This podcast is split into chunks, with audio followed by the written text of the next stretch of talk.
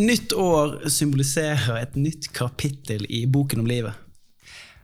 Men samtidig som eh, mange ønsker å gjøre nye ting i året som kommer, så er det faktisk bare mellom 7 og 12% som kommer til å kjenne på følelsen av å lykkes ved å sette seg et nyttårsforsett eller et mål eller et ønske om å gjøre noe nytt. Og harde fakta er at de fleste vil gi opp nyttårsforsettet sitt før de har fått plukket ned juletrepynten. Før første fredagen etter nyttårsaften så har 32 gitt, gitt opp. Og det, er jo flere grunner til at vi ikke lykkes med å nå de målene som vi setter oss.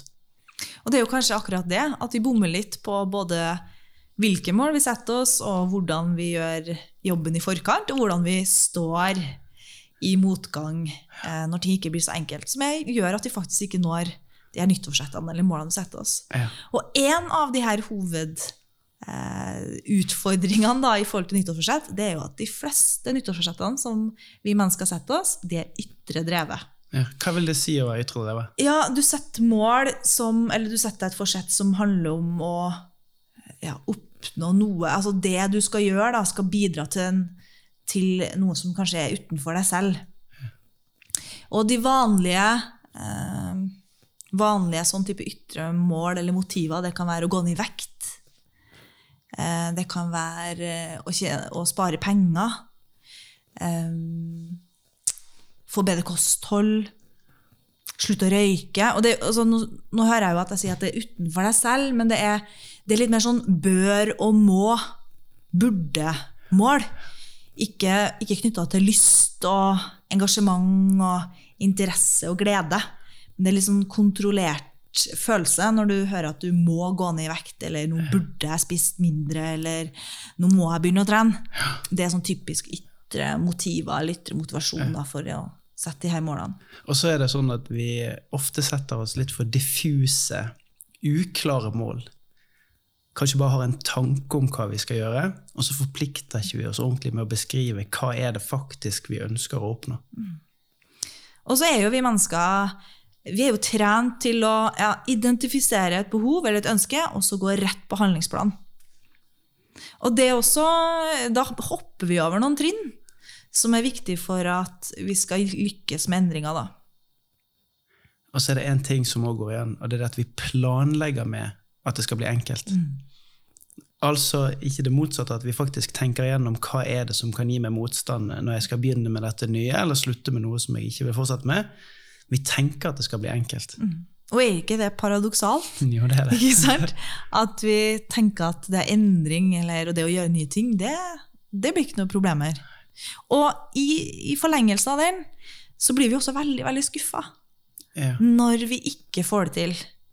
Altså Vi setter oss et mål om å trene tre ganger i uka, f.eks.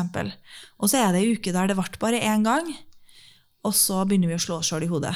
Ja. Er det her helt håpløst og håpløst, og jeg får det ikke til, og ja, nok en gang så lykkes jeg ikke med nyttårsforsettet mitt. Og da gir vi jo veldig fort opp. Ja. Og det, vi svartmaler det jo litt nå. Kom med noen eksempler på hva er det som er vanlig når folk ikke når det. Og litt sånn feller vi kan ja. gå i. Mm. Men det finnes jo noen ting vi kan gjøre og som øker sannsynligheten for at du som lytter kan lykkes. Og i denne episoden her så tenkte vi at nå skal vi gi deg noen konkrete tips og råd for hvordan du med høy, høyere sannsynlighet kan nå de målene du setter deg. Og da, Tim, da tenker jeg jo at vi starter med det som vi innledningsvis sa er en vanlig felle vi kan gå i når vi setter oss mål eller setter oss nyttårsforsett, nemlig at vi ofte har ytre motiver da, for å gjøre de her livsstilsendringene. Og det ser vi jo at disse ytre motivene ofte er startskuddet for at vi gjør, ønsker å gjøre endring. Det kan være at vi går opp på vekta og ser at vi veier for mye, eller at buksa plutselig har blitt trangere, og så tenker vi nei, nå må jeg gjøre noe. Det her kan jo ikke fortsette. Eh, jeg må jo bare begynne å trene. Og hvis vi skal sette det her inn i et faglig fundament, så kan vi si at et ytre ytre motivert mål eller ytre motivert eh, forsett, det er når vi gjør noe fordi vi ønsker å oppnå noe. Eh, altså vi ønsker å oppnå en belønning, eller at dette målet uten, er utenfor selve aktiviteten. Og med det mener jeg at kilden til motivasjon ligger utenfor altså å gjøre disse aktivitetene og knytta til resultatet eh, som følger. Og det kan f.eks. være at jeg gjør det her fordi jeg får betalt for det. Eller jeg trener fordi jeg må gå ned i vekt. Eller jeg gjør noe for å unngå straff eller negative konsekvenser. Da. Og typiske ytre motiver til et nyttårsforsett det kan jo være å gå ned i vekt, se bra ut, strebe etter rikdom og berømmelse. Eh, vi kan også sette oss nyttårsforsettet for å glede andre. Eller fordi vi kjenner på at kanskje samfunnet forventer det av oss.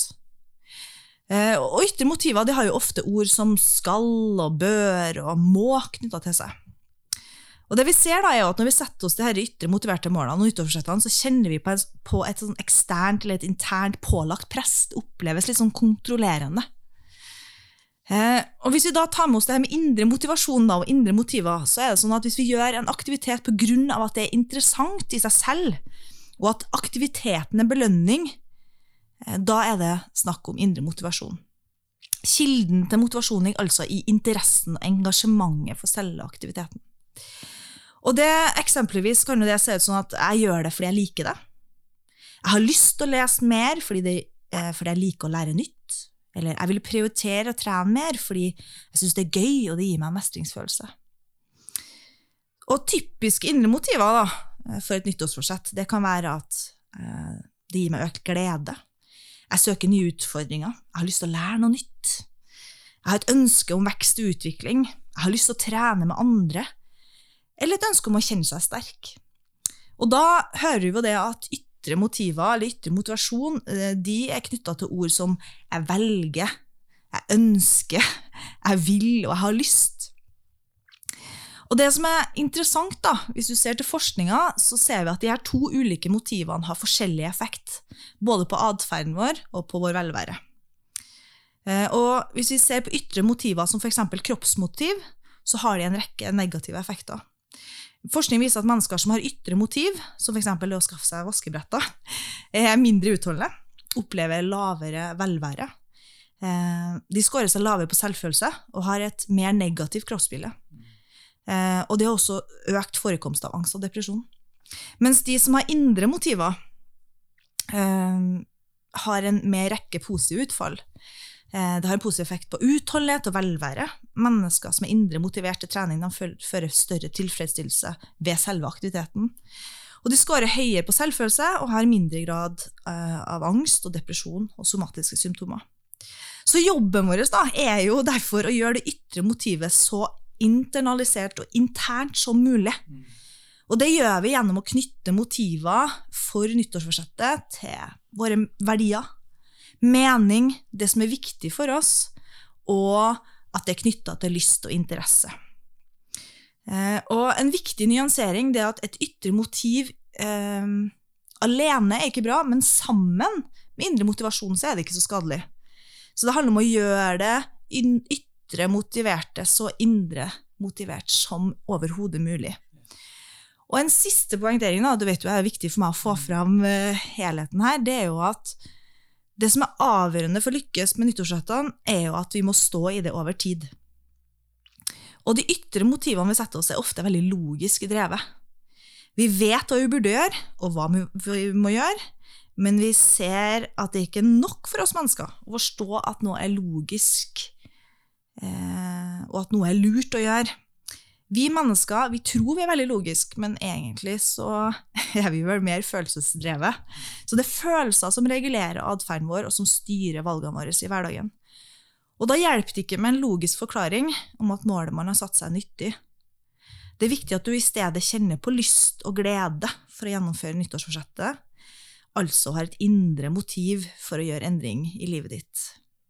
Du sier jo det at vi starter starter ofte med det logiske. Mm. Starter ofte med en opplevelse eller en følelse eller en tanke av at nå bør jeg gjøre en endring, eller nå må jeg gjøre noe. Og Vi kan jo starte der da, med å si hva, hvis jeg kjenner på denne følelsen. Mm. Det kan være å lese mer bøker. Det kan være å gå opp i vekt. Det kan være å komme i bedre form til sommeren. Du ser disse her uh, artiklene som snakker om det, snakker om å få vaskebrett til sommeren. Eh, og så når jeg har den her logiske tanken, da, så må vi begynne å bryte det ned. Eh, og det er jo den metode som vi ofte bruker når vi jobber med mennesker. Som, og den metoden her handler jo om å finne de indre motivene, og finne, finne hvorfor. Hvorfor skal, jeg, hvorfor skal jeg gjøre den endringa? Tørre å gå i dybden. Ja. Si litt mer om metoden, da. Ja, for det, når, når, når jeg kjenner på et logisk ønske, så bør jeg stille meg sjøl spørsmålet hvorfor vil jeg gjøre dette? Hvorfor er dette viktig for meg? Og så kommer det ofte ett svar. Og der også skal vi tørre å stille spørsmålet en gang til. Hvorfor er det viktig? Og hvorfor er det viktig? Og hvorfor er det viktig? Og hvis vi gjør dette her ca. fem ganger, og stiller hvorfor-spørsmålet fem ganger, så havner vi som oftest i bunnen. Og da, da er jo det effekten vi ønsker å få tak på. Hva er det dette her faktisk skal handle om? Og vi, vi, vi kaller det faglige begrepet på dette er prosjekt. Sant? Målet er å gjøre noe, og målet kan jo gjerne være kortsiktig i det lange bildet. Sant? Det kan være et mål som vi setter oss på en måned, tre måneder, seks måneder, tolv måneder. Men det kan handle om noe mer. Sant? Å få tak på den her ønskete effekten. Og fag, faglig sett så snakker vi om ditt prosjekt. Og vi mennesker har kontinuerlig prosjekter. Og disse prosjektene er enten ting som vi vil ha mer av, eller ting som vi vil ha mer, eh, mindre av. Sant? Approach eller avoidance driven. Og det å identifisere hvorfor har jeg lyst til å gjøre dette? Hva er det med dette som er meningsfylt, og som nettopp gir denne følelsen av å gjøre det før det logiske? For vi har jo alle kjent på følelsen av å skulle ta på skoene for å gå ut og løpe, eller skulle gå i kjelleren og rydde boden. Altså, hva det måtte være, da. Og så er det motstand. Og da er ikke følelsene til stede for å dra altså, oppførsel og atferden vår inn i approach. Det du snakker om nå, Tim, det får jo meg til å tenke litt eh, eh, Et eksempel fra mitt eget liv. Hvis du hadde vært på soverommet mitt, eh, og du sitter i senga mi så, og ser rett frem, der er det i, helt opp til taket, og jeg er ganske høyt under taket, og hele veggen imot senga, den er fylt med bøker. Og det er fagbøker om psykologi og ledelse og team og utvikling og sånn. Og det med å lese bøker det har vært viktig for meg hele veien, fordi det har, har handla om å få kunnskap, dele, lære nye ting, forstå. Men for fire år siden så var det ei bok. Altså, jeg leste i alle, altså, plukk frem bøker derfor. Det er det beste jeg vet. Det var én bok som jeg aldri var borti. Eh, jeg ble nesten kvalm bare jeg så den. Og når den lå og etter hvert så bare skjønte jeg får jo, jeg får jo aldri henta den ut av det her bokhylla, så jeg måtte legge den på bordet for å gjøre den mer tilgjengelig. Men likevel, hver gang jeg så den, bare Nei, uff. Og jeg kjente på en sånn må og bør, fordi at den boka den måtte jeg lese til å stå til eksamen. Så jeg satt, hadde satt meg et sånt mål om at jeg skal gjøre ferdig den boka eh, fordi at jeg skal stå på eksamen. Men det målet det var så må og bør og burde og skulle ha gjort, eh, og jeg hadde bare negative tanker og følelser til det. Og da måtte jeg bruke denne metoden på meg selv. Så det var et ytre motivert eh, mål. Eh, og så måtte jeg gjøre det her eh, Ok, hvorfor? Hvorfor leser jeg det her? Hvorfor er det her viktig? Eh, og så gjorde jeg det. Jeg stilte disse hvorfor-spørsmålene noen runder, og så kom jo erkjennelsen, sant? Jo, men hvorfor, lese, hvorfor, hvorfor skal jeg lese den boka? Hvorfor tar jeg sånn? Jo, det er jo for å forstå. Det er jo for å lære. Det er jo for å få mer kunnskap. Det er jo fordi jeg er nysgjerrig. Det er jo fordi jeg har lyst til å dele det faget her med flere mennesker. Og det jeg klarte å gjøre da, var jo å hente frem og gjøre denne boka til et prosjekt som var meningsfullt for meg. Jeg skulle jo ikke lese denne boka her for å stå på eksamen. Jeg skulle jo lese denne boka her fordi at jeg hadde lyst til det. Fordi det ga meg mening. Det var noe som var viktig for meg. Og idet jeg klarte det, å hente fram the why, ja, da ble det jo ikke noe mer motstand til å lese den boka. Det ble meningsfullt, og det var noe jeg hadde lyst til, på lik linje som alle andre bøkene jeg hadde i bokhylla. Og det, det bringer oss over på ok, når vi skal sette disse målene. sant? Når, vi, når vi skal beskrive hva er det vi faktisk ønsker å oppnå etter at vi har gått litt i dybden, eller før, sant? det kommer litt an på hvor vi er henne, så sier jo òg eh, forskningen at det er noen feller vi går i, og det at det er uklare, eh, diffuse mål. Og vi har jo jobbet mye med målsetningsteorier, og jeg husker at den tidligste rapporten jeg leste på målsettinger, tilbake til 1932. Og så har vi skummet igjennom forskningen frem til i dag. Og det som går igjen, utrolig nok, eh, som kanskje er kjent for mange, det er dette med smarte mål. Så når vi skal sette oss det her målet, så må det Og det er jo et akronym. Sant? Smarte. Det må være spesifikt. Og det å være spesifikk, mine damer Det er og herrer, det er noe av det vanskeligste vi Ja. mennesker gjør. Ja. Så det å tørre å bruke tid på det og, og beskrive det så tydelig som mulig. Og så må det være målbart. Og jeg bruker et bilde på å forklare dette som at kartet må stemme med terrenget. Jeg må vite når jeg er der. Eh, når jeg har kommet opp på den fjelltoppen, så ser det sånn ut. Det er veldig lett å beskrive det i en sånn fjellmetafor. Men for at vi skal vite at vi når målet vårt, så er det nødt til å være målbart. Og så skal det være A. Sånn ambisiøst. Noe Vi- å strekke seg Ja, vi må strekke oss. Og så er det relevant. Og så er det tidsbestemt. Og hvis vi skal si hva er det noe av det som er det viktigste, så er det i hvert fall det å være spesifikk, ha det målbart og være tidsbestemt. Altså, når skal jeg nå det? Ja. Hva skal jeg gjøre? Og når skal jeg være ferdig med det? Hvor spesifikt er det? Og det skal kunne måles, da. Mm. Jeg skal kunne si at nå er jeg på vei, eller nå er jeg ikke på vei, eller Og så for å knytte det sammen i en helhet, så kan du si at prosjektet handler om det litt mer dypere, eh, knyttet litt mer til en visjon, en ønske og en drøm. Og så er målet når vi måler oss sjøl på vei mot å realisere drømmen. Eh, for eksempel det å løpe maraton. Ett maraton er et mål i seg sjøl.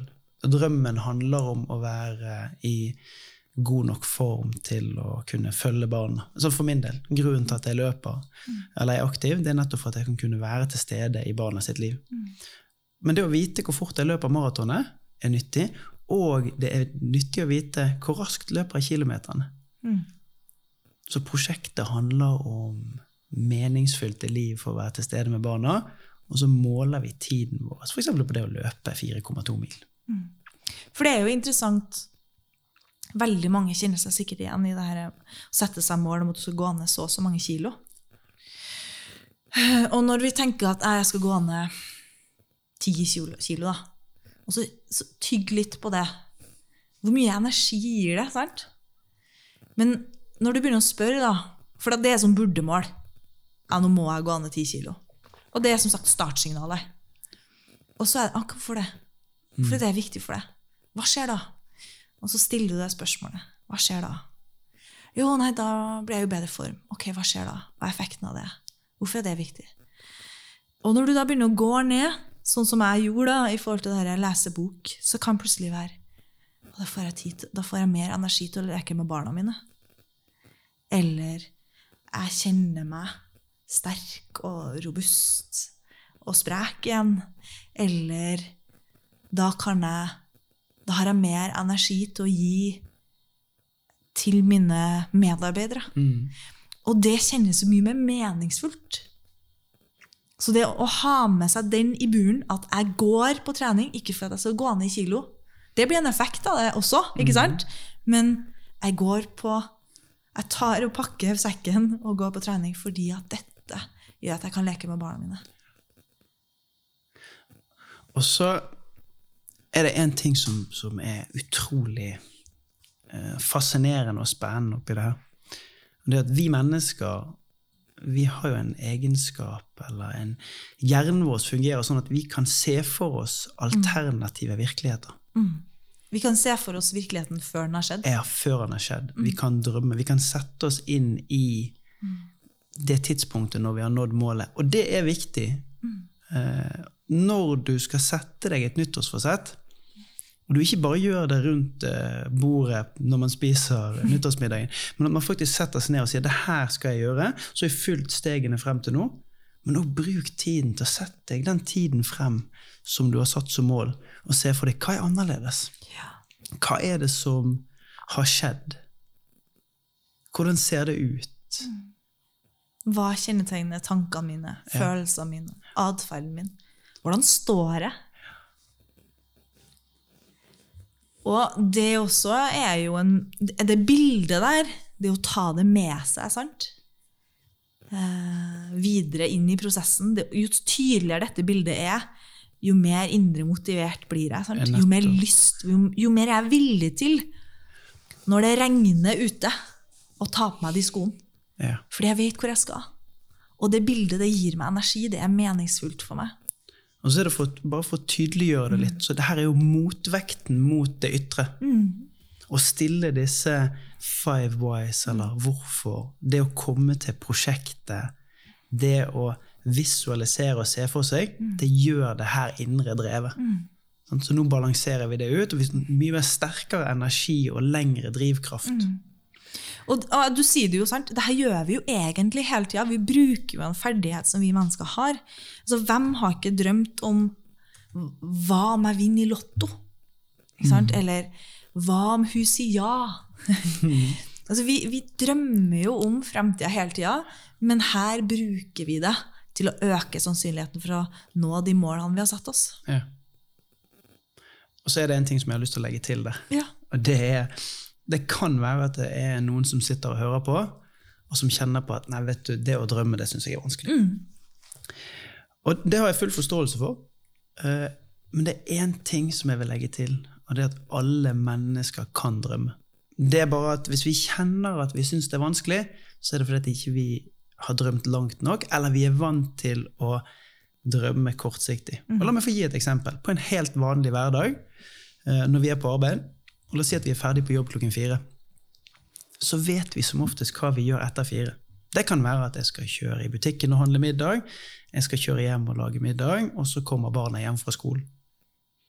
Men hvis du sitter på arbeid eller er på jobb, og telefonen din ringer, og så har det skjedd noe med barna Kanskje de har slått seg på kneet og må på legevakten. Så endrer drømmen din seg. Så den fremtiden som du så for deg, som kanskje var på fire timer, den endrer seg nå. Plutselig så må du gå fra arbeid, så må du kjøre på skole og hente, og så må du kanskje på legevakten. Og der er vi tilpasningsdyktige, og vi har ferdigheten til å se det for oss. Så hvis du syns det er vanskelig, tør å strekke den lenger. For vi har alle den ferdigheten og egenskapen. Vi må bare øve på å bruke den. Men når jeg har gjort det, da, hva skjer da? Ja, og før vi går videre, da, for jeg sitter jo og kjenner på sånn, har vi forklart det her med prosjekt godt nok? Så bare sånn, før vi går på neste steg, da. En, du, du har helt sikkert en sånn Nei, nå må jeg. Nå er jeg på tide. Det har jeg tenkt på så mange ganger. Nå må jeg sette det som mål. Ofte er det ytre motivert. Fint startpunkt. Still deg spørsmålene hvorfor, så du får tak på det indre. Sørg, for å gjøre det ytre målet så indre drevet som mulig, som handler om lyst, glede, eh, noe som er viktig for deg, betydningsfullt for deg, og som gir deg mening. For så å gjøre målet igjen da, spesifikt. Hva er det jeg må gjøre da? I smart, smarte mål. Eh, og da også lage det fremtidsbildet. Og når vi har gjort det, da er vi klar for å begynne å snakke om treningsplan eller handlingsplan. Ja, for vi har gjort en god jobb frem til nå. sant? Og da balanserer vi ut et par av de første punktene òg, mm. at vi går for raskt på handling. Ja. Nå har vi tatt dypdykket, og så er vi klar til å konkretisere det. Og det er jo gjennom denne konkretiseringa at vi faktisk legger til rette for at vi kan lykkes i hverdagen. Vi gjør endringer enklere, i hvert fall, gjennom å definere hvilke tiltak, hvilke handlinger må jeg gjøre i hverdagen sånn at jeg lykkes. Ja. Og det der òg er er veldig fascinerende.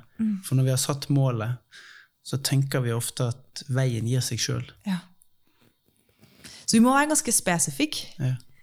Eh, og det kan jo da være at for eksempel, hvis noen har lyst til å begynne å trene mer, da, så er det ikke nok å bare si at jeg skal trene tre ganger i uka. Vi må enda mer, vi må enda mer dype på ok, når. Hvilke dager. Det er nå én ting å tydeliggjøre. Men så, ok, hva skal til? da? Hva må jeg gjøre? Ja. Kanskje må jeg pakke sekken kvelden før? Kanskje må jeg legge den foran døra, så jeg husker å ta den med meg? Kanskje må jeg ha en avtale med noen andre? Så alt det her må sånn detalj, så detaljert som mulig. Ok, når det regner, da? Hva gjør jeg da? Ja, når du er inne på det der, jeg husker for over fem år siden, når, eh, når vi sto på når vi sto på ultralyden og så at vi skulle ha tvillinger, Ja. så slo det meg en tanke når vi satt i bil eller noen dager senere, at hvis jeg har lyst til å fortsette å være like aktiv når jeg får tvillinger, så må jeg gjøre en endring i dag. Og da gjorde jeg nettopp det. Da måtte jeg stå opp om morgenen og så gå og trene før arbeid. Og så måtte jeg gjøre dette her før, eh, før de kom, sånn at jeg hadde begynt å gjøre det. Eh, men det syns jeg er et godt poeng, for da, da satte jeg bagen foran døren. Mm. Da smurte jeg matpakken kvelden før, og så gikk jeg ut i bilen og satt meg. Det, det gjorde det lettere for meg. altså. Mm. Og da hadde du også definert når du skulle trene, hvor ofte, Ja, og hva skal til, rett og slett, for å lykkes med det. ja. For det, det handler om å legge til rette for, så at det ikke bare er disiplin som skal drive deg hele tida. ja. Når jeg har lagt en plan, og jeg gjør de forutsetningene som skal til eh, for å lykkes, så øker det i hvert fall. For eksempel for min del, da, så vet jeg det at hvis jeg hvis, Nå snakker vi mye om trening, men det er jo fordi at det er en av de, det jo en av de nyttårsforsettene som ofte går igjen. da. Eh, For meg, jeg vet jo det at hvis jeg skal trene etter jobb eh, Hvis jeg skal spille meg sjøl dårlig, da går jeg hjem imellom. Og det vet jeg at det, det er tyngre for meg. Eh, Men hvis jeg har pakka med meg tingene på jobb, sånn at jeg kan dra direkte på treningsstudiet, da får jeg det til. Så det handler liksom om å tenke hva er det som, hvordan kan jeg spille meg selv god? Hva er, som, hva er det jeg kan gjøre av tiltak som øker sannsynligheten for at jeg Ja. lykkes? da? Det, det, det du gjør da, er jo at du ser på planen din, og så kvalitetssikrer du at ok, jeg har ikke planlagt for at dette skal bli lett. Ja. Sånn at du spiller litt sånn djevelens advokat. Ja. Hva er det som kan hindre meg i å nå målet? Og det er en ting som forskningen er tydelig på.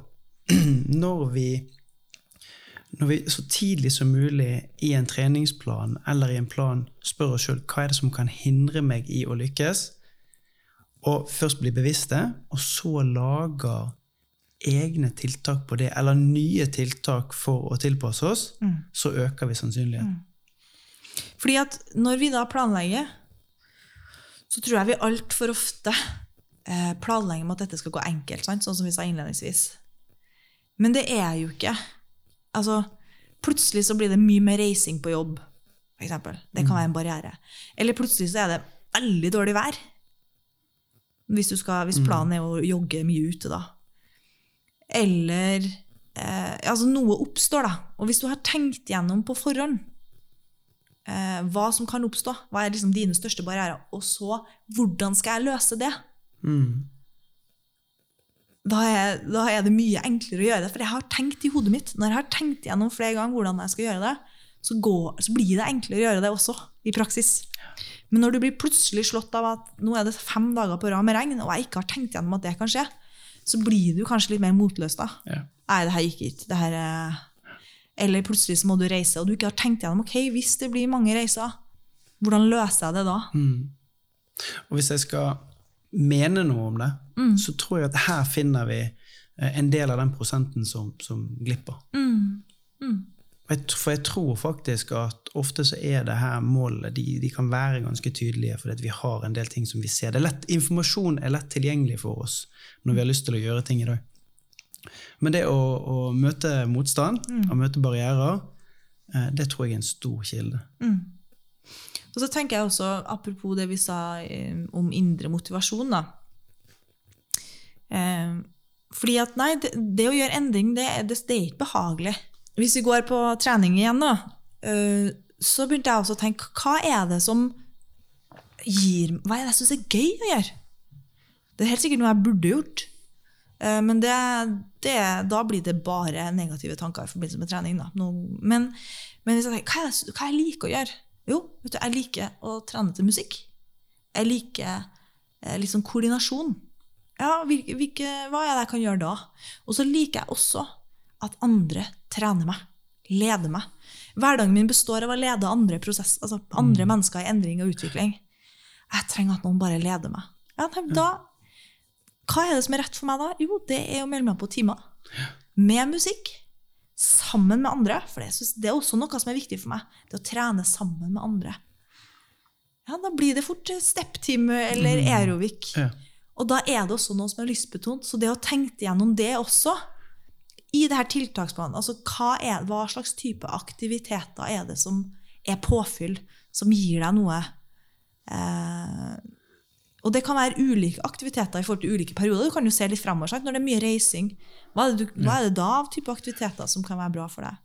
Men Kan det på dette tidspunktet her også være lurt å alliere seg med noen? Ja, det er det jo. Det ser vi jo. At det å Og det er jo flere dimensjoner. For det første er det også å dele målet sitt ja. viser forskninga, da, eh, er lurt.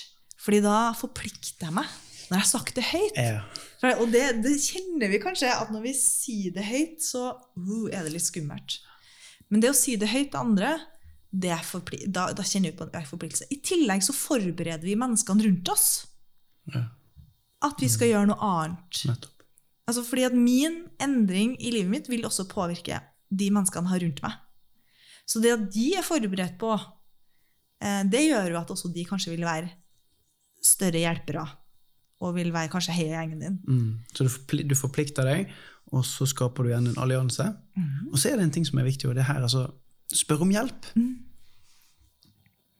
Vi, vi, tenker at vi skal klare alt sjøl. Mm. Uh, men det å faktisk si at du, jeg, det har jeg ikke gjort før.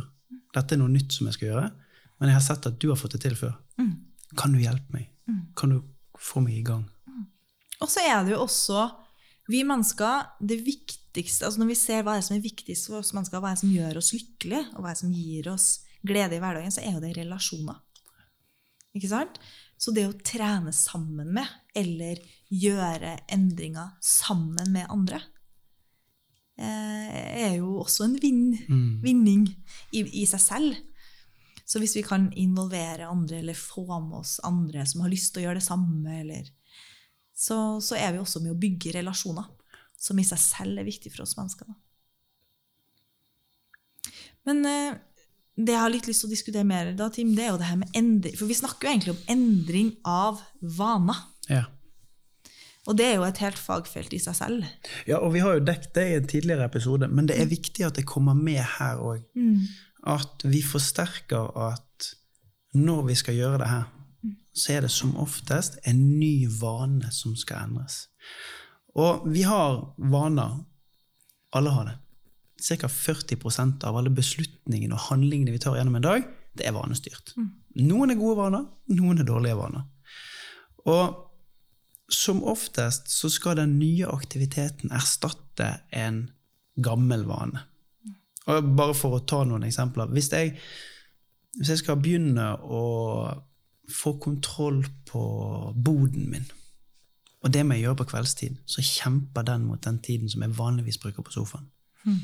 Hvis jeg skal gå på trening på kveldstid, så kjemper den mot vanen å sitte på sofaen og se en serie for å slappe av. Eller det kan være ulike sånne eksempler. Og det å være bevisst det, det er at vi skal etablere en ny vane. Og det å etablere nye vaner, det tar tid. Mm. Bare tenk deg eksempelet som å pusse tennene med den andre hånden. Og så er det en populærvitenskapelig så er det noen som har tatt tak i ett utsagn som kom en eller annen gang på 50-tallet, om at uh, det tar bare tre uker å endre en vane. Det er ikke vitenskapelig bevisst. Det er veldig individuelt. Det betyr at for meg så kan det ta en uke, for deg så kan det ta et helt år. Men det vi må være bevisst på, er at for hver gang vi gjør det, så skaper vi nye si, tråder og stier i hjernen som gjør det lettere for oss å gjøre det neste gang. Og Jeg har litt lyst til å bare gi ett eksempel på hvordan det her kan se ut. Og, og, Vi bruker jo litt denne treningsmetaforen. Og Det er fordi det er lett og angripelig, og veldig mange av nyttårsforsettene handler om det. Har jeg aldri trent før, og jeg skal begynne å trene, så vil det være mange, nesten flere hundre steg å gjøre før jeg har forberedt, fullført, avsluttet treningsøkten min. Ifra hvor skal jeg trene? Hva skal jeg gjøre når jeg er der? Hva klær skal jeg ha på meg? Skal jeg dusje der eller hjemme? Skal jeg spise før eller etter? Eh, jeg vet ikke om jeg sa, hvordan skal jeg, hvordan skal jeg komme dit? Skal jeg kjøre? Skal jeg ta buss? Skal jeg løpe? Hvordan, hva gjør jeg når jeg kommer tilbake? Komme seg ut av det? Ah, det er sikkert 100 steg. Mens for de som har vanen, så tar de på seg treningstøyet, plukker opp bagen og kjører, trener og kommer hjem igjen. Så stegene vil korte seg ned. Mm. Og når du er bevisst at du etablerer en ny vane, så er det lettere å stå i det. Mm. Jeg, jeg, jeg, har så lyst til å slenge meg på det du sier der, Tim. Uh, fordi jeg tror vi undervurderer uh, hvor mye dette krever av oss. da. At meste av det vi gjør, går på autopilot. Og når vi skal gjøre nye ting, så krever det ekstra energi og fokus for å lykkes. Mm. Og du sier det jo, det, vaneendring det er som å gå opp en ny sti. Og alle, jeg, jeg liker det metaforen eller bildet på Se for deg at du skal gå fra A til Å i skogen, og det ikke er sti. Altså, du går bare i villmarka. Det krever vanvittig mye energi. Det Det er kjempetungt. Og så går du den, og så får du gå litt frem og tilbake. Og så blir det gått opp. Og etter hvert så vil det kreve mindre og mindre energi å gå denne veien fra A til, A til B eller A til Å mm. i skogen. Og jo mer du går, jo tykkere blir stien, eh, jo mer oppgått blir den, og jo enklere blir det. Og, det, og, og når, du, når, vi snakker om det, så, så kommer vi inn på en annen ting. Fordi at hva er det vi gjør når vi ikke lykkes? Jo, vi sier at nei, det her, det her får ikke jeg til, eller jeg gir opp, eller det er så håpløst. Vi begynner å slå oss sjøl i hodet, da. Men det er jo naturlig, det, for at hjernen vår den vil gjerne spare energi. Så den vil jo gjerne gå de her oppgåtte veiene, de, de som er enkle. Hjernen vil jo ikke gå i det her terrenget som krever masse av oss. Så veldig ofte så befinner vi oss tilbake til den gamle vanen. Den som vi har gjort tusenvis av ganger. Og så blir vi så utrolig skuffa ja. når vi kommer tilbake på den gamle vanen. Istedenfor å si ja, det er jo helt naturlig. Jeg henter meg tilbake igjen, og så fortsetter jeg. Ja, for det, da, Nå snakker du om denne evalueringen som vi gjør ja. når, vi, eh, når vi ikke lykkes med mm. det som vi har tenkt å gjøre. Mm. Hvordan er det vi snakker til oss sjøl? Mm. Og så var du inne på det i sted, når du misser én treningsuke. Mm. Da er det jo bare å begynne på nytt igjen ja. uken etter. Ja. Det er egentlig det som er budskapet vårt her. Mm. Fortsett med det du har planlagt å gjøre. Mm. Og så kan det godt være at du må starte på nytt, mm. men gjør det. Og det er helt ok, og det er helt, helt normalt ja. at vi kommer tilbake til den gamle vanen. For det vi har gjort mange ganger før, det er vi jo eksperter på. Det skjer, det skjer, uten at vi tenker over det. så er vi tilbake til gamle vaner. Og når vi da befinner oss på gammel vane, uansett hva det er, ok, men det var jo dit jeg skulle. Og så begynne på nytt. Og her er det det er, det er, et budskap som jeg brenner for mm. å dele. Mm. Og det er Det fins noe som heter hjørnesteinsvaner. Det er de som er én vane som påvirker andre vaner positivt mm. eller negativt. Men det er òg være bevisst for hva er det som muliggjør vaneendringen. Det kan være at det må skje noe i forkant av selve treningsplanen din. Så det du har bestemt deg for for noen steg siden, at dette er treningsplanen din, nå kan det være at du må gå tilbake og så se ok, hva er det jeg faktisk må gjøre for at dette skal være mulig. Mm. Hvis jeg skal uh, lese mer i 2020, bruke mer tid til å finne roen, koble av ifra det digitale kaoset, og så bestemmer jeg meg for at jeg skal lese én time for dagen, f.eks., så kan det godt være at jeg må forberede meg til den timen. At i treningsplanen så må jeg faktisk rydde i både hodet og rundt meg, få satt meg ned, tåle at det er litt kaos, og så kommer den. Hvis jeg skal trene på morgenen, så kan det være at jeg må legge meg tidligere. Mm. Jeg må tenke gjennom hva jeg skal spise. For å kunne legge meg tidligere, så må jeg skru av TV-en tidligere. Og for å skru av TV-en tidligere, så må jeg være ferdig med dagens gjøremål tidligere enn det som jeg er i dag. Og her sant? Jeg skal være litt, jeg kan fall si meningen min, ikke være bastant. Her tror jeg òg at vi finner en god prosentandel av de som glipper. Mm. For vi tar ikke disse stegene rundt. Hva er det som er faktorene som kan muliggjøre det for meg? Mm. Fordi det er noe, noe forutsetninger som må være på plass Ja. for å lykkes. Mm. Og når vi er oppi det her med å mislykkes, da, eller følelsen av å ikke lykkes med nyttårsforsetter, som gjør at vi kanskje ofte gir opp og ikke står i motgang og, og utfordringer, så er det en annen ting som vi opplever. um, det er jo at vi, vi mennesker vi er jo ikke veldig gode til å legge merke til det vi gjør bra, eller den fremgangen vi har. Så når det går tvert til tverke, da, og vi ei uke eller to uker ikke har lyktes med nyttårsforsettet eller målet vi har satt oss, så når vi da ikke har monitorert eller ikke lagt merke til de stegene vi har tatt, så blir det, så blir det litt skjevt. Fordi at vi legger merke til de gangene vi ikke lykkes. Mm. Så det vi ser, er jo at de som lykkes med mål, og de som lykkes med nyttårsrett, de er også gode til å legge merke til de stegene man tar. Monitorere fremgang, fordi det gjør, gir en følelse av mestring, glede, stolthet, som vi trenger eh, for å drive oss videre eh, når det blir tøffere. Så det å legge merke til, og det å liksom, gi seg sjøl en klapp på skuldra da, eh, når vi faktisk Å forsterke Ja. den følelsen som er godfølelsen. Ja. Det tror jeg vi kan gjøre mye oftere, altså. Og så handler det, det, det er noe i det her handler om det kortsiktige og det langsiktige. Mm. vi, vi mennesker vi for, forsaker ofte det langsiktige meg for det kortsiktige. Og det å gi seg sjøl belønning for de gangene man faktisk klarer å tenke langsiktig, og ikke sette seg på sofaen i dag fordi man er sliten, men å gå på trening for vi vet at det vil føre til noe mer. Og ikke spise den sjokoladen fordi det var det man fikk lyst på akkurat i øyeblikket. Eh, Et eksempel på det er sparing.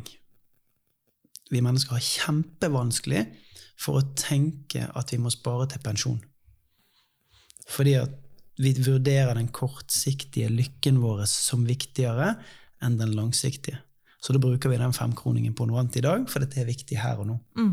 Men det er en utrolig nyttig funksjon. Og ikke sånn tilleggsinfo til det her, at vi, når du står i, i vurderingen og evalueringen, skal jeg fortsette med vanen min, eller skal jeg gå tilbake til gammel? Så kjenn på at ja, da kan det være at jeg putt, ikke putter fem kroner i, i banken. Og her kan jo noe utenfor oss hjelpe oss. For det er litt sånn, det er sånn krevende å gjøre de her prosessene selv. Og vi jobber jo mye med det å forankre ting i symbol. Mm. Det å ha noe synlig rundt deg som minner deg på eh, det du ønsker å oppnå, eller den ønska effekten, eller den tilstanden, eller ja, noe som du som gir deg den assosiasjonen da, til det her målet eller det du, du jobber for. Eh, og det tenker jeg det er viktig at vi sier litt om nå, det her med å forankre det i symbol. Ja, og kanskje spesielt knyttet til prosjektet. Ja. Sant? Når jeg har funnet prosjektet mitt mm. Og det her kan eh, og det er egentlig for å berede grunnen litt for den som lytter på. Det her kan virke litt sånn svevende. Mm. Så før vi går inn i et symbol at Hvis jeg sier norske flagg, pølser, kroneis og hornmusikk, så vil de fleste tenke 17. mai. Mm. Og hvis jeg sier bølgeskvulp, sanitærene og solkrem, så vil Jeg er allerede på stranda. ja. Sånn? Så det her er symbolikk som vi har i hverdagen. Og, og, og, hvis vi, og det, det her er fascinerende. Fordi at vi kan se det symbolet, eh, eller den gjenstanden, og umiddelbart få den følelsen. Sant? For eksempel norske flagg. En gang vi ser det, så, og det vil være ulikt hvilke assosiasjoner vi har, men for meg så kan det være glede, stolthet, eh, varme, eh, eh, sånn takknemlighet. Og så kan jeg se et helt annet flagg, f.eks. et IS-flagg, og så kan det skape det helt motsatte. Ja. Frykt, hat, usikkerhet, utrygghet. Og så begge er bare Det er jo egentlig tøy med noe farve. Mm. Men bare det å se de to, de to så Assosiasjonene som skaper følelser i kroppen din. mm. Og det kan vi utnytte. Ikke sant? Akkurat det at vi mennesker skaper assosiasjoner, som igjen gir noen følelser, Ja. det kan vi utnytte gjennom å lage et symbol som er knytta til prosjektet vårt. utviklingsprosjektet. Hva jeg skal gi et eksempel på det, Mm. Så eh, var det i en periode jeg hadde lyst til å gjøre riktige valg. Prosjektet mitt var å finne balanse i hverdagen og gjøre riktige valg. Og det var en av eh, trenings...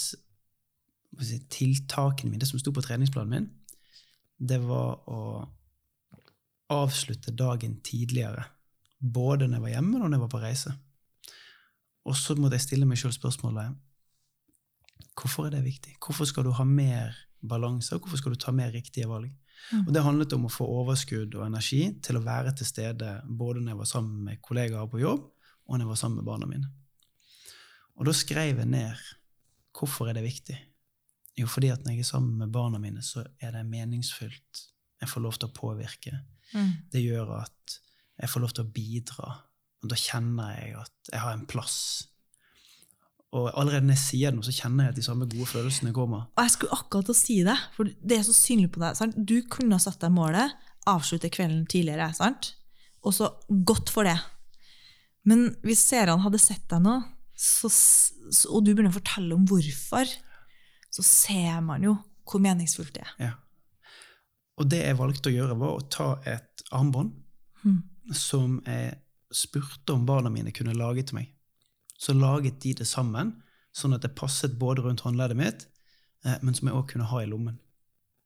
Det hadde jeg med meg i lommen, sånn at de gangene man står på vippepunktet av et valg Skal jeg gjøre dette eller dette?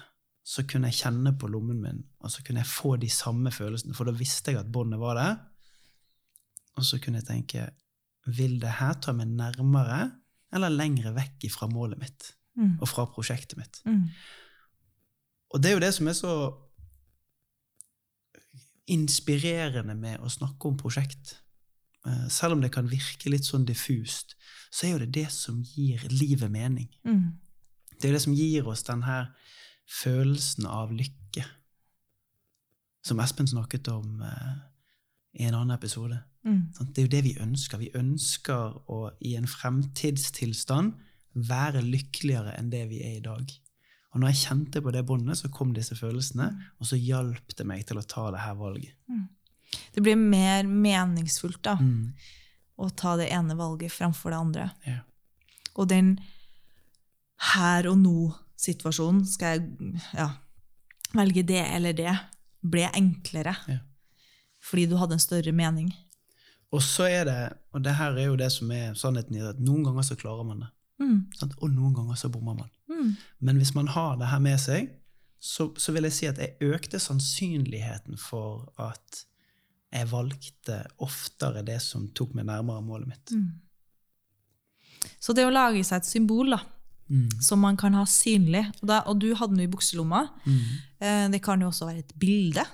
Ja. Hadde på telefon, eller hadde på, på PC-en sin, eller printe det ut. Mange som bruker bakgrunnsskjermen eller, eh, på telefonen, både den som er bakgrunnen, og den som man får når man bare tar den opp, som en påminner. Og symbolet skal jo være en påminner Mm. på hva er det jeg skal gjøre mer av fremover. Mm. Hva er det jeg skal kjennetegnes av. Mm. Så du kan på en måte oppsummere prosjektet ditt og handlingsplanen og målet ditt i hva er det jeg skal kjennetegnes av. Hva er det jeg skal gjøre mer av i noen korte ord, og så finne et symbol som symboliserer eh, det du ønsker å oppnå, eller det du kjenner gir deg kraften og meninga til å jobbe mot det målet eller det, det prosjektet du har satt deg. Ja, for kraften er viktig. Ja. Kjempeviktig. Når du ser på det, det, det symbolet, så skal det gi deg de her følelsene du ønsker å ha mer av. Mm. Nå har vi snakket om mange små delelementer som kan være med på å øke sannsynligheten for at nettopp du lykkes med det nyttårsforsettet som du skal sette deg, eller som du har satt deg. Og vår anbefaling er Nå har jo du mest sannsynlig hørt igjennom hele episoden. Gå tilbake. Stopp opp og gjør stegene. Og når du er ferdig med steget, så beveg deg videre. Så Gjennom episoden så har vi en rød tråd i forhold til hva er det som kan være, sant? og som vi ser når vi jobber med mennesker, en god oppskrift i hvordan lykkes med målene. Mm. Hvordan vil du oppsummere det, Karina? Jeg tenkte jeg skulle ta, ta oss gjennom stegene en gang til. Vi starter ofte med et ytre motiv. Jeg burde eller må, eller nå er på tide å gjøre det og det. Og så er jobben vår å gjøre det så lystbetont og meningsfullt som mulig. Og det gjør vi gjennom å knytte uh, det her målet eller det vi har lyst til å oppnå, til verdiene våre. For det er det vi gjør når vi begynner å stille oss spørsmål om hvorfor. Så det å stille seg de her fem hvorforene for hvorfor dette er viktig, og hvorfor uh, skal jeg gjøre det her. For i buren der så finner du de grunnleggende mekanismene som ligger bak. Og det danner vårt prosjekt. Og når vi har funnet vårt prosjekt, som, eh, som også da skal handle om, for du nevnte så vidt, det skal være approach. Det vi vil oppnå, fremfor det vi skal slutte med. Så hva er det jeg skal gjøre mer av, må dette prosjektet si noe om. da. Eh, og så når du sitter i det prosjektet og har refinert det, kan du gjerne ta eh, reisen også. Hvordan ser det ut? Så du liksom, visualiser, sett deg ned. Hvordan ser det ut da? Hva er annerledes når jeg er i prosjektet eller har nådd prosjektet mitt? Og så er det jo viktig da å gjøre det her målet, eller gjøre det til konkrete og smarte mål. Og du gikk jo gjennom hva smarte betyr. Og når du har gjort de her smarte målene som da gjør målet ditt mer målbart og konkret, så kan vi gå over til plan. Da har vi lagt grunnlaget for å legge den riktige planen og en god plan. Og da handler det om å atferdsbeskrive. Tydelig hva skal du gjøre, når skal du gjøre det, hvem skal du gjøre det sammen med, osv. Fordi da legger du til rette for at det blir enklere å lykkes med tiltakene dine. Og så, som vi om, når du også sitter med den handlingsplanen og tiltaksplanen din, tenk på mulige barrierer. Hva kan hindre deg? For så å legge tiltak til det. Da øker vi følelsen av håp, optimisme, resiliens, som handler om å være fleksibel og tilpasningsdyktig. Vi har større tro på at vi kan nå målet vårt. Og så er det viktig da å huske på at det er ikke bare behagelig. Og det er liksom det vi gjør når vi tenker på barrierene. Det er ikke bare behagelig. Det skal ikke være behagelig å nå målet. Det krever hardt arbeid. Og så har vi jo snakka om det å involvere og inkludere andre mennesker. Fordi det gir oss mulighet til å spørre om hjelp. Vi skaper allianser, og vi, og vi forplikter oss. Monitorer og legg merke til og gi deg sjøl klapp på skuldra når vi gjennomfører, når vi følger handlingsplanen og treningsplanen vår. Og så ga vi en sånn gull i det her med å forankre det i symbol. Legg, Begynn å tenke hva er det jeg ønsker å kjennetegnes mer av. Oppsummer det i noen ord, og så finn et symbol som, deg, som kan være en påminner og trigger for at du faktisk holder ut, og at du gjør det her over tid. Og så er det, er det jo typisk meg, jeg må jo alltid legge på noe. og nå flirer du til meg òg. Siste spørsmål som jeg, som, jeg, som jeg, tenker, som vi ikke har snakka om, men som er viktig for oss i Mind. Vi jobber jo med styrker. Siste spørsmål du stiller, hvilke styrker er det jeg har som jeg kan bruke? For å nå det her målet eller oppnå prosjektet mitt. Er jeg utholdende? Bruk det, da. Er jeg strukturert og liker planmessighet? Bruk struktur og planmessighet for å lykkes. Er du sosial og relasjonell som type? Gjør det. Gjør det sammen med andre. Er du målbevisst? Ja, bruk målbevissthet til å nå det her prosjektet ditt. Så også Knytt inn det styrkebaserte. Vi har jo snakka om det tidligere i, eh, i episoder. Derfor vi ikke har liksom lagt hovedfokuset vårt på det i dag. Men det styrkebaserte, det å jobbe med styrker eller bruke styrker, det gir oss energi. Vi blir mer utholdende. Vi øker sannsynligheten for å nå mål. Vi blir mer resilient. Altså, det er ganske mange effekter ved å knytte inn styrkene våre. Så styrken trenger ikke å være direkte knytta til målet og prosjektet, men jeg kan bruke styrker til å hjelpe meg å nå det. Og det var viktig for meg å legge til det, sånn avslutningsvis. Og som støtteepisoder så vil jeg anbefale dere for det som Karina avslutter med, episode 1, der Lisa snakker om hva er styrker og hvorfor er de viktige for oss. Eh, gå også innom eh, episoden om vaner for å se hvor stor plass tar vanen i livet vårt. Der går vi i dybden på det.